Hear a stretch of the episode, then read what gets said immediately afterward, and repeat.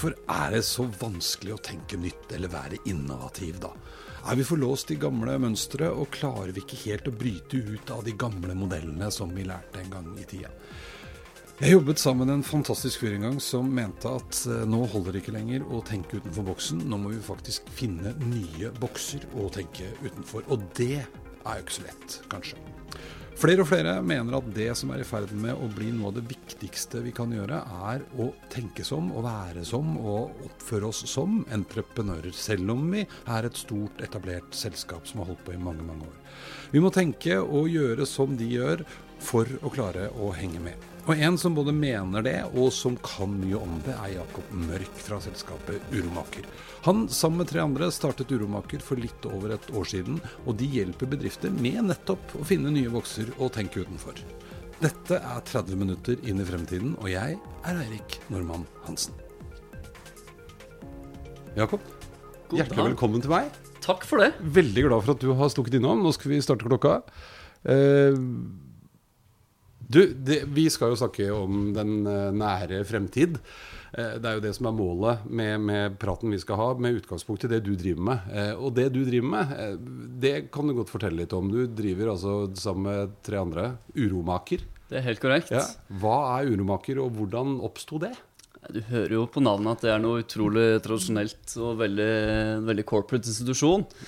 Eh, fra, fra spøk til revolver så er Uromaker rett og slett et eh, lite konsulentselskap bestående av fire unge eks-gründere som har kommet sammen med det mål å ta de tingene vi har lært fra startup-verden og fra våre egne både tabber og suksesser, og så lære det bort til andre.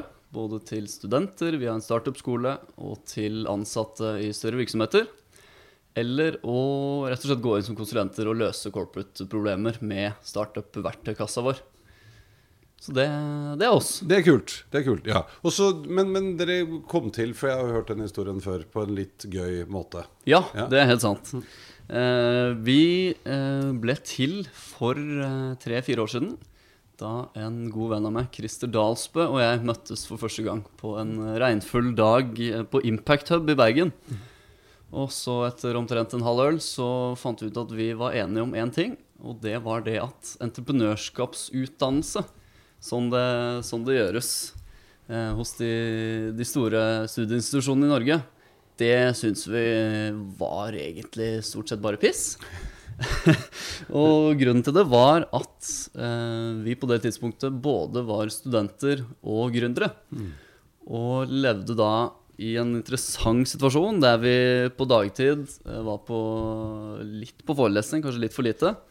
Og på resten av dagen så prøvde vi å bygge selskaper, og innså da at det vi lærte på skolen, i Entrepreneurship 101 på NHH osv., det var veldig lite relevant for den risikofylte hverdagen vi opplevde ute i den virkelige verden, hvor det ikke var noe riktig svar bakerst i boken, og man måtte egentlig bare finne ut av alt på egen hånd. Eh, og så skjønte vi da ganske fort at hovedproblemet er at man ta, prøver å ta det mest dynamiske fagfeltet som fins, og så squashe det inn i en sånn isolert, virkelighetsfjern klasseromsetting. Eh, hvor du da sitter typisk i en forelesningssal med 400 andre, og foran deg står det en annen hvit mann som pusher 50, som aldri har tatt i en startup i sitt liv, og forteller deg da hva du skal gjøre for å bli gründer, eller underforstått egentlig for å få B på eksamen i desember. Så vi, eh, et par pils etterpå, var jo da to cocky tidlig 20-year-olds som fant ut at søren heller, kanskje vi klarer å lage en bedre gründerutdannelse enn det NHH og Universitetet i Bergen klarer å få til. Og dagen etterpå så våknet vi litt sånn eh, litt bakfulle og kom på at eh, søren heller, vi hadde blitt enige om å lage den startup-skolen. Eh, og som sagt, så gjort. Det ble til det som heter Early Stage, hvor vi samler 30 studenter fra alle mulige studiebakgrunner. Og kjører dem gjennom en veldig intensiv seksukers læringsopplevelse. Hvor i stedet for å sitte på forelesning og høre, så skal du ut og gjøre. Og du skal ut og møte ekte kunder, og du skal finne problemene deres og lage prototyper på løsninger. Og prøve å selge og feile og gå på snørra. Og hele poenget er at man skal få simulert den aller første oppstartsopplevelsen med trygge rammer. Så vi gir studentene coaching og mentorer og litt foredrag og workshops og en eh, pott med penger. Og så er det egentlig bare lykke til. Lanser så fort dere kan.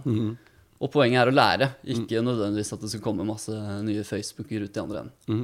Yes, Spennende. Ja, så det, det var gøy. Og så ballet dette på seg, da. Som eh, når corporates begynte å ringe og spørre om vi ikke kunne gjøre dette early stage-greiene som internkurs eller som konsulenter, så så vi vårt snitt i å skru deltidshobbyen vår til en fulltidsjobb. Og vips, så kalte vi oss uromaker, og så var vi i gang. Ja, Det er gøy. Og det er altså sånn fulltid var for ca. et år siden. Et år siden. Kjempegøy. Ja. Men, men apropos det, så dere Hva er liksom Hva skal man gjøre? Hva gjør folk feil i dag? I livet sånn generelt, Nei, eller som i eh, gründere? gründere. Ja, vi får holde Ja, la oss holde oss der. Fint, Ja. hvis vi har kort Ja, tid. eller, så- eller ja. også, også etablerte selskaper, da. Ja. Som du, for dere hjelper vel mange godt etablerte store selskaper? Ja, stemmer. Ja, ja. Vi jobber en del med Sparebanken Vest, Ja. annet, og den type større sjapper som Mm. er i store endringsprosesser, og som gjerne har gjort ting eh, på samme måte over lang tid, men som innser at man må gjøre noe nytt for ikke å bli løpt fra. Da. Ja. Og det vi ofte fokuserer på, er jo det som har blitt et sånn super buzzword, men som faktisk har litt substans i bånn. Og det handler jo om å sette kunden i sentrum. Kundesentrisk innovasjon. Og så er jo vår approach, eller vår pitch, til eh, corporates at vi hjelper dem med å forstå hva i all verden dette her festtalebegrepet faktisk betyr i hverdagen. I, når du sitter der eh, på tirsdag etter lunsj og du lurer på hva for noe nytt dere skal lage, eller hvordan du skal løse et kundeproblem, kundeproblem, eller et eller annet sånt noe. Hvilke verktøy og hvilke arbeidsmetoder er det faktisk eh, man kan plukke opp i hverdagen? Og for å forstå seg på disse mystiske kundene da, som alle bøkene og DN-artiklene skriver så mye om. Ja. For det, det har slått meg. Jeg synes jo det er litt det er jo litt rart, og jeg har jo vært der selv, men at vi liksom ikke har skjønt før nå at det var lurt å gå ut og snakke med folk. Eh, For det er jo faktisk litt sånn. Altså Det høres litt dumt ut, men jeg opplever det ganske ofte, og også i mitt tidligere virke, liksom, at jeg kan spørre Vi har denne ideen, ja, har dere spurt eh, kundene deres? da? Nei, nei, men vi er ganske sikre på at det bare, Ok, hvorfor ikke? Men hva, hva kommer det av, tror du? Nei, vi, jeg liker å tenke at det har skjedd en ganske fundamental endring i hvordan man ser på utvikling av nye produkter og tjenester de siste 30 åra. For uh, back in the glory days, i liksom, la oss kalle det Mad Men-tida, der var jo hele mantraet uh, kan oppsummeres med La oss prøve å få folk til å ville kjøpe produktene våre. Ja. Let's make people want to buy our products. Ja. Ikke sant? Og det handlet om fancy ads og drikke whisky på kontoret og få folk bare Så det var én TV-kanal, da, og hvis du bare gjorde nok marketing, så kjøpte folk uansett. Eh, men så kom det jo en bølge med nye rammeverk og nye måter å tenke på de siste 20-30 åra. Ledet an av Steve Blank, Customer Development, Lean Startup, Design Thinking, hele den gjengen her. Eh, som egentlig kan oppsummeres på en måte som høres lik ut, men som er ganske fundamentalt forskjellig. Som er La oss lage produkter folk har lyst til å kjøpe. Let's make products people want to buy, i stedet for Let's make people want to buy our products. Ja. Så plutselig så handler det ikke lenger om å lage noe først, og så kaste marketing dollars på det etterpå, men å kanskje kaste marketing dollars på å forstå kundeproblemet først. Og faktisk da være sikker på at når du går til produksjon, så er det noen som faktisk er klar på andre enden, som er hyppe på å kjøpe det. For det viser seg jo Det var gjort en stor undersøkelse for noen år siden hvor de så på hvorfor startups feiler. For de aller fleste startups går jo i dass. Det er jo en etablert sannhet. Eh, og da de gjorde en analyse av hvorfor de, hvorfor de gikk under, da, så var den aller, aller vanligste grunnen at kundene ville rett og slett ikke ha det man hadde laget. Det var ikke noe, det var ikke noe marked for det. Nei. Og da, så Hvert eneste et av disse eksemplene besto av et team med smarte, ambisiøse, fremoverlente mennesker som eh, sa opp jobbene sine og ga alt i flere år ofte, altså. Og som sikkert utviklet helt strålende teknologi og kule løsninger og dingser og you name it. Og så kommer det til launch day, og så er det bare helt dead silence i, i andre enden. ja. Nei, og jeg tenker, og en ting er jo hvis jeg liksom brenner for noe og, og starter noe helt nytt eh, Og så kan man jo si at det er litt klønete at man ikke da har gått ut og sjekket. Men så har du liksom den andre enden av skalaen. Så har du jo nå altså de store etablerte, bør ikke være så store heller, men etablerte både bransjer og selskaper som plutselig burde begynne å skjønne at det produktet de har hatt, som har vært helt ok, plutselig ikke er det. Av forskjellige årsaker. Og de jobber jo dere mye med. Ja, visst. Ja. Og, og hva er største utfordringen der, da? Med, ja. Eh, vi ender jo veldig ofte opp Altså Pitchen vår når vi kommer inn i en eh, svær corporate setting, er jo ofte at eh, ok, nå skal vi hjelpe dere å sette fart og noen nye metoder og mm. nye måter å jobbe på og sånn. Og så, når det kommer til stykket, så er det jo ofte at vi ender opp med å jobbe med kulturendring isteden. Eh, for det, altså, du kan ha så mye rammeverk og metoder du bare vil, men hvis man f.eks. har en kultur der det ikke er lov å gjøre feil, så blir det jo veldig vanskelig å ta på seg den eksperimentelle hatten og gå ut og prøve nye ting. Og det er jo veldig veldig typisk i store virksomheter. For det, det er veldig få som har egentlig insentiv til å ta i nye prosjekter som har lav eller middels sannsynlighet for å lykkes. Og hvis du skal gjøre noe radikalt nytt og crazy, så by definition så vil jo det aller meste gå i dass. Ja, ja. For, det for det, det er jo også interessant å, å, å tenke og, se, og man hører jo om det òg, at eh, man har ikke noe insentiv du, du, blir ikke, du blir ikke målt på å feile. Nettopp. For det er veldig lett å si at her er lov å feile, og her er det høyt under taket. Og, og, og så når det kommer til stykket, så er det kanskje egentlig ikke det. ikke. Og, og hvis du feiler for mye, så når du ikke de andre målene dine, og da får du kjeft. Nettopp. Eh, og så er det jo noe med de bedriftene som faktisk tar kontakt med dere. da De har jo i hvert fall innsett noe. At Ikke de sant? trenger hjelp. Ja, ja, ja. For det er jo mange som ikke gjør det. Ja. Men, men er, er det så, altså Du sier kulturendring, men det handler vel også om å, å, å tørre å endre på eh, Altså Du kaller det insentivmodellen din? da Ja, absolutt. absolutt. Det fins jo både myke og harde insentivmodeller som kan oppfordre til mer kreativitet, og at man egentlig gir folk mot og tillit til å ta bet som ikke nødvendigvis alltid kommer til å funke. Og så er det noen organisasjoner som, som man ser opp til, som virkelig lever dette her. For altså, det beste eksempelet er selvfølgelig Bezos og Amazon. Som eh, jeg dro frem et eksempel i et foredrag jeg holdt i Nord-Norge i forrige uke. Om feiling, faktisk. Og da sa jeg det at uh, for to år siden eller noe sånt nå, så lanserte jo Amazon en smarttelefon som het Amazon Fire. Ja, stemmer det. Ja, ja, og den var jo veldig fin og flott. Uh, hadde holdt på med dette her uh, i årevis, og kjempesatsing og sånn. Går til markedet. Fullstendig flopp. ikke sant? Absolutt ingen som kjøper den her dingsen i det hele tatt. Og kjempepinlig. Og så går jo da selvfølgelig eh, en del medier ut da og litt sånn eh, shamer og sier at var dette er nødvendig, og så se på ha-ha, så dumt dette var, og sånn.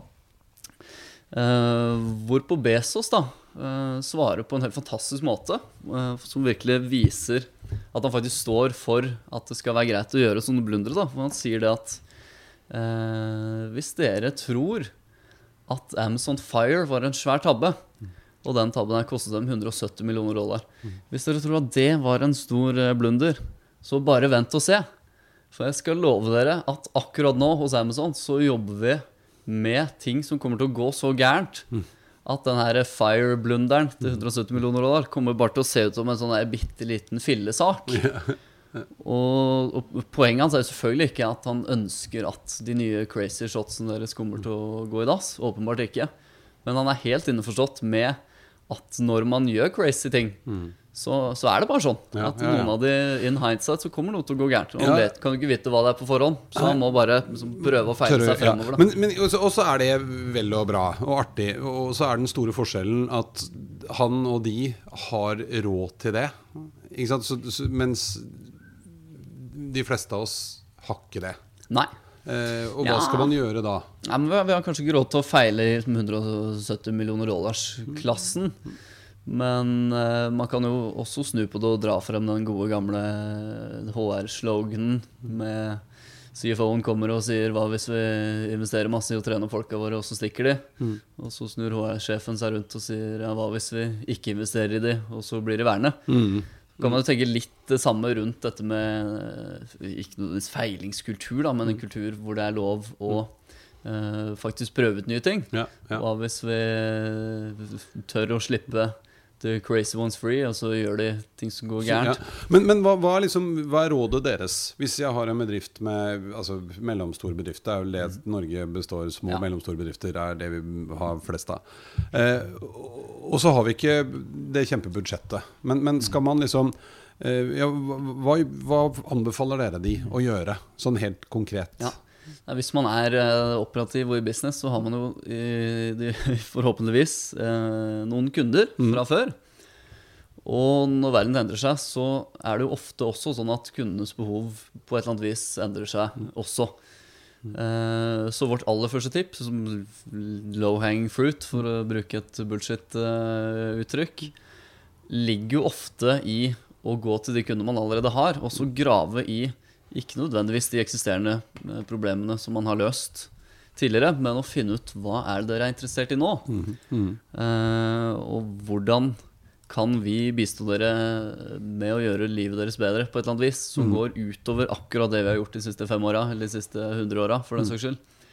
Eh, så det er liksom korteste veien til å finne nye ting å holde på med, og så kan man jo spinne ut derfra da, og være så crazy man bare måtte ønske. ønske ja, ja, jo, men så tenker jeg i den prakt- For det, det er også en ting ikke sant, at vi har de folka vi har, og vi har en business som skal surre og gå. Eh, og det er jo ofte sånn at vi er bemannet opp, så de menneskene har stort sett ganske mye å gjøre. eh, og så har vi snakka med noen kunder, og så har vi fått noen nye ideer. Ja. Skal man da skille dette ut som en egen sånn ded- dedikert gjeng, eller skal det være et prosjekt som man gjør eh, halve torsdag og onsdag, eller har du noe råd rundt det? Ja, det er jo et av de virkelig store spørsmålene da, i denne innovasjonsbransjen. Eh, the Innovators Dilemma, som det har vært kalt opp igjennom. Og der har man jo Det er jo flere måter å løse det på. Google har jo kjørt denne 20% time, f.eks., hvor de ja, anbefaler alle Eller det var vel et krav på et tidspunkt også, at alle ingeniørene brukte minst 20% eller en dag i uka på helt nye ting. Og så ser du det at når ting faktisk funker, så setter du jo egne teams for å dytte eh, prosjektet videre. Da. Så når man har nådd en viss eh, validering fra markedet, eller man skjønner at man er inne på et eller annet, så vil jo ethvert prosjekt kreve mer ressurser for å få fart. Da. Fart, ja. Men da har, vi liksom, da har vi kommet fram til en eller annen prototyp som er testa. Ikke sant? Ja, så da tenker jeg at da er vi over i en produksjonsfase. Et eller på annet vis. Ja. Men, men, for det er jo noe med de rammeverkene man kan bruke, som Mm. er utrolig mye mer effektive. Altså Google Design, eller Design Sprint setter vel bare nå. Riktig. Ikke sant? Det er én. Eh, bruker dere den, eller hva bruker dere? Ja, vi bruker Design Sprint en del. Um, og når vi går inn i virksomheter, så prøver vi å være det vi kaller for rammeverksagnostiske. Som rett og slett bare betyr at vi prøver å plukke ting fra eh, forskjellige deler av verktøykassa. Da. Litt fra design sprint og litt fra design thinking og litt fra lean startup og whatever. Eh, basert på hva problemstillingen og situasjonen er. I stedet for å låse oss til å preache at én hammer funker uansett, og så ser du alt som en spiker. Mm, mm, ja, ja. Ja, spennende. Eh, og så kommer man i gang, og så får man kommet opp noen nye ideer og, og prototyper og tester, og så er det bare tut og kjør. Er vi for, er vi for, jo, men er vi for omstendelige, eh, syns du? Altså bedrifter? Ofte, ja. Ja. For det Hvis man tenker at man skal være drive med innovasjon som et sånn top down-tiltak, hvor man sitter på toppen, og så skal det, man dedikere noe penger og noen ressurser, og så skal det komme en vips ut i andre enden, for å si det litt eh, banalt. Eh, litt sånn waterfall-tankegang. Det tror ikke vi så veldig mye på. Men hvis man lever i det paradigmet, så ender man jo ofte opp med at det blir en kjempekostnadspost, og man må ha masse strategimøter, og det blir en voldsomt omstendelig greie, da. Så det vi prøver å oppfordre til i større virksomheter, er jo å skape en slags piratkultur. Litt sånn bottom up. Eh, Det man trenger fra toppen, er tillit eh, og autonomi. Og kanskje noen ressurser. Og så må man da klare å mobilisere fra bånn, sånn at ildsjelene eh, rett og slett bare gjør ting. Og ikke nødvendigvis må avsjekke absolutt alt med HR og legal og sjefen til sjefen til sjefen og sånn. Mm. For hvis man klarer å skape den eh, Eller vi, vi har ennå ikke kommet over en virksomhet der det er mangel på antall ideer i organisasjonen som er flaskehalsen. Nei. For det, alle virksomheter har jo kjempeflinke folk ansatt som støter på problemer og irritasjonsmomenter både for seg selv og for kundene. Støtt og stadig, og som får ideer til hvordan disse problemene kan løses, og hvordan man kan skape kundeverdi. Det er bare det at det er veldig få steder der man klarer å faktisk overføre den eh, idémengden og det engasjementet som enkeltpersoner kan ha, da, til faktisk at man gjør noe med det. Men, men er det fordi at man ikke har lagt til rette for, eller skapt rom for å gjøre det? Eh, Eller? Eh, ja, jeg tror det. Ofte. Og det er jo både, både formelle ting, eh, som insentivstrukturer vi var inne på i sted, f.eks. Eh, og mer uformelle ting som går på kultur, og hvordan, hvordan det oppfattes da, hvis man eh, La oss si man får en idé, da, og man plutselig bruker en eh, torsdag på å finne ut om den ideen er verdt å holde på med, eller gjøre noe kundeintervjuer, eller lager en prototyp i papp. Blir man da oppfattet som at man kaster bort tiden sin? Og man blir et irritasjonsmoment? Eller blir man da bejublet? Hvem er det man egentlig heier på? Hvem er det man fremstiller som heltene i organisasjonen? For Hvis vi skulle gi bedrifter noe råd da, om hvordan de skal klare å liksom komme i gang med den kulturendringen eh, For det, det er også mitt inntrykk, at det er, jo ikke, det er jo ikke vondt ment. Det er bare at man har ikke vært sånn før. Eh, og så ser man, For det, er, det kan vi være enige om, at fremover nå så er man nødt til å være beredt til å kunne endre seg. Ja, jeg tror i hvert fall det. sant? Ja, Det hører man jo overalt, og det var vi enige om. Ja. Men, men hvilke råd skulle vi gi da en leder? Sitter på en, en bedrift, ledergruppe, og skjønner at nå må vi gjøre noe. Ja. Eh, hvor skal de begynne med liksom kulturendringen? Ja. snakker vi om da. Ja. Eh, Jeg tror veldig mye handler om å tørre å gi tillit og mandat nedover i organisasjonen. Og det kan jo være litt vanskelig å bite i for uh, en leder som er vant til å ha kontroll på det meste. Eller vant til å i noen grad micromanage hva folk holder på med. Så jeg tror at en fremtidig leders eh, Eller fremtidig ledergruppes hovedoppgave er å sette en strategisk retning på overordnet nivå, og så klare å skape engasjement i organisasjonen for at den retningen er viktig. Og også være ydmyk nok til å si at man kanskje ikke lenger har alle svarene på hvordan man skal komme seg til mål på styrerommet, men at svaret ligger eh, rundt omkring i, i, lenger ned i organisasjonen. Da. Og så handler det da om å kommunisere og genuint mene og gi folk eh, Eller mene at folk eh, lenger ned sitter på løsningene og gi dem mandat til å faktisk eksekute. Og Gjør prøve det, ja. ting og eksperimentere. Og oversette den visjonen og retningen til sin egen hverdag da, i større grad enn det som tidligere har vært typisk med micromanaging fra toppen. Ikke sant? Ja. ja, for det, igjen, dette er kanskje ikke vondt ment, men det er bare sånn det har vært. Ja, absolutt, ikke sant? Ja. Men ok, så får man til det, og så, så klarer man å, å, å få folk til å, å øh, komme fram med ideene sine og, og jobbe med det. Hva er liksom det neste steget man skal gjøre da? Hvor, hvor hyppig bør man prøve å klekke ut nye ideer? Er det noe, jeg skjønner at det ikke er noe fasitsvar, men er det noen som har ment noe om det? Ja, det er mange som eh, mener noe om det. Mm.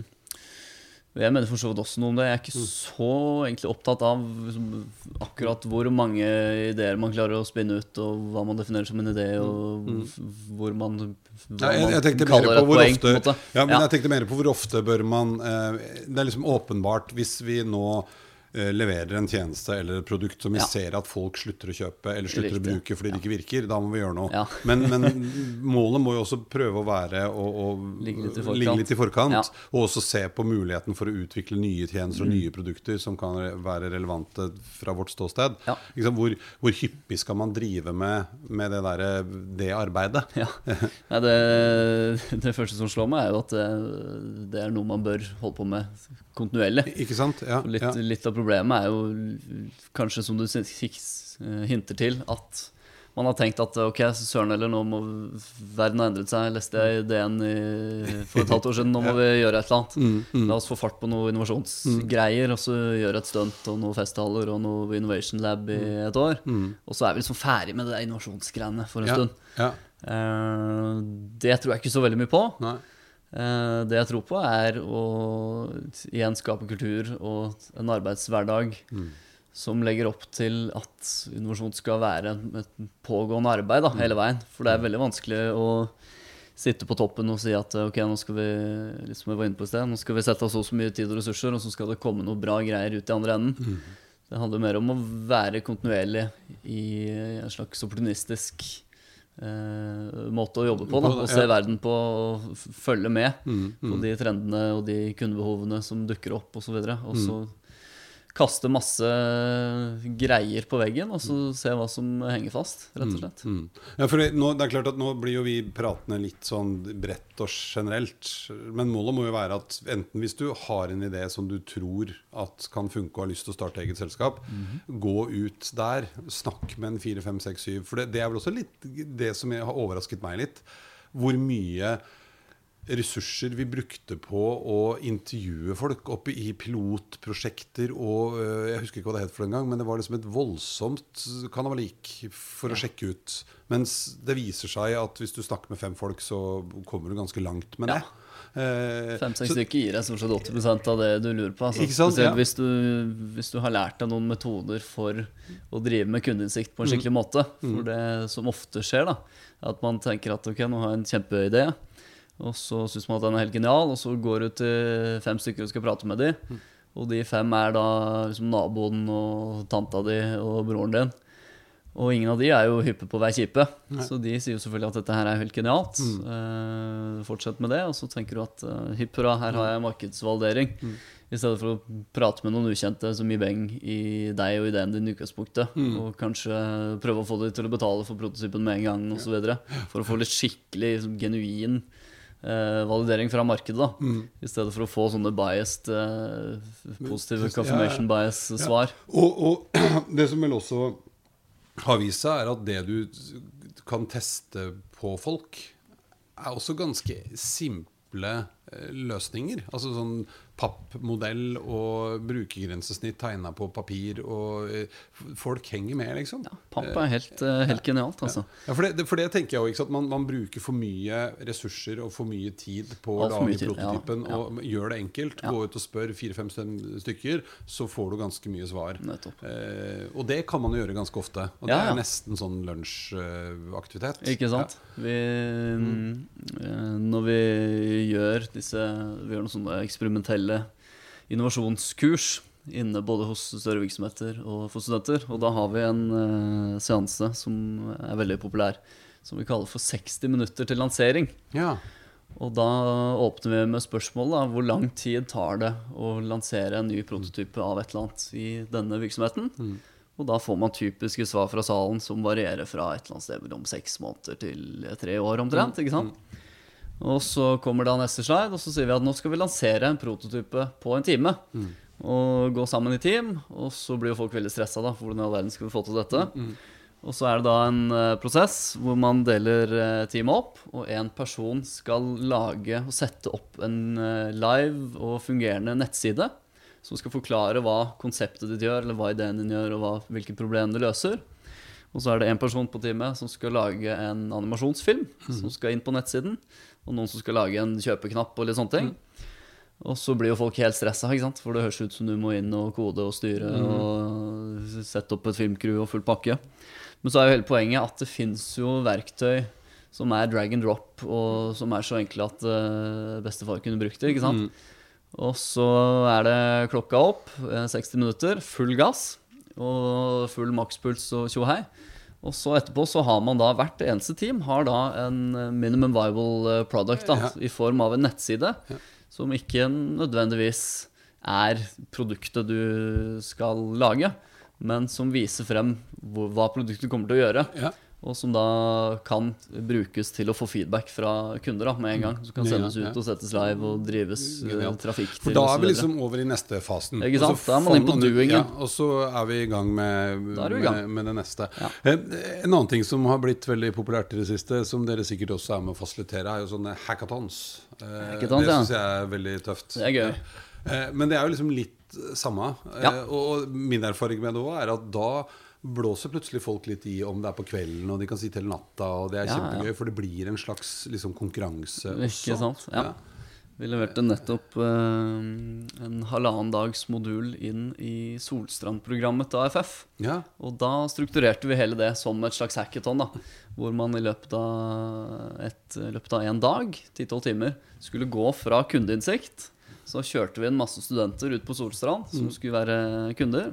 Og alle disse lederne som var med på programmet, skulle intervjue disse kundene, forstå problemene deres. eh, og grave i det osv. Og så skulle man lage prototypeløsninger. Og så skulle man teste det mot markedet, da, som var dette studentpanelet som kom inn igjen. Og ga sin ærlige feedback da, på om dette her traff. Uh, om det var noe de var interessert i osv. Så, videre. så det er også litt samme sånn hackathon-tankegang. da Ja, ja. Det handler om å bare bli skitten på fingrene og sette i gang og få noe live og ut i verden så fort som overhodet mulig. Ja. Ja, for det, Realiteten er vel også at altså, i forhold til kundeinnsikt så, så kan man liksom finne ganske mye info. Sånn desk research er gøy.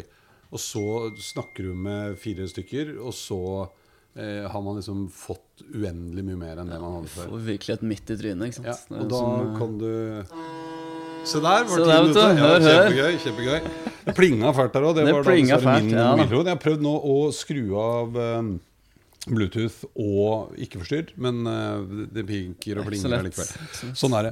Men kjempegøy. eh, kjempegøy Siste spørsmålet. Siste spørsmålet. Det er jo liksom Hvis vi nå hopper litt lenger frem i tid, og det bør jo ikke ha noe med det vi har snakket om å gjøre, men 2030, hva, hva tror du, håper du, frykter du er en realitet eh, da? 2030, ja. Ja.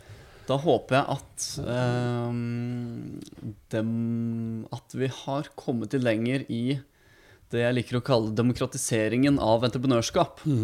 For i dag så er det et veldig stort gap mellom det å være fast ansatt eh, og det å være gründer. Og det skillet tror jeg kommer til å viskes ut i mye større grad. Jeg tror at folk må bli eh, mer entreprenørielle.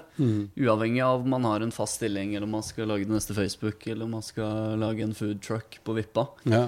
Um, og at de verktøyene som tradisjonelt har vært assosiert veldig sterkt med entreprenørskaps- og startups, eh, håper jeg blir en, del, en større del av hvordan eh, de aller fleste jobber. Høres veldig bra Og det høres ut som det er litt nødvendig òg. Jeg tror det. Jeg tror entre, Hva sa du? Entrep... entrepre, Ent, om det var vanskelig. Entreprenørielle ferdigheter. Ja, det, Ja, ja, der det må være et nytt ord. Ja, Ja, kall det gjerne det. Ja, det jeg liker å bruke det mye, så vi får det få det inn i ordboka. Strålende. Tusen hjertelig takk for eh, besøket, Jakob. Takk for praten. Vi snakkes. Det gjør vi.